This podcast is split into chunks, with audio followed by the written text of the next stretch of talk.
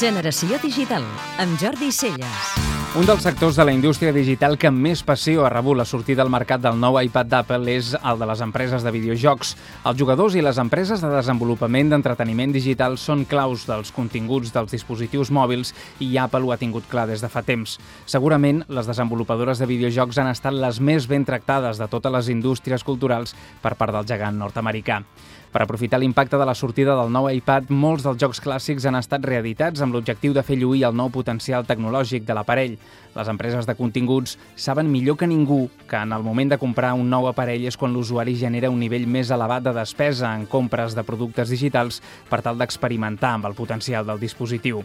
Una de les empreses líders en jocs per a dispositius mòbils, Gameloft, ha publicat reedicions d'alguns dels seus darrers jocs més venuts, com Order and Chaos Online, Modern Combat 3, Asphalt 6 o Gangsta Rio. Un altre exemple és el de l'empresa alemanya Buga, que també ha modificat el seu gran èxit Diamond Dash. A banda de les reedicions de jocs antics, el nou iPad arriba també amb llançaments importants.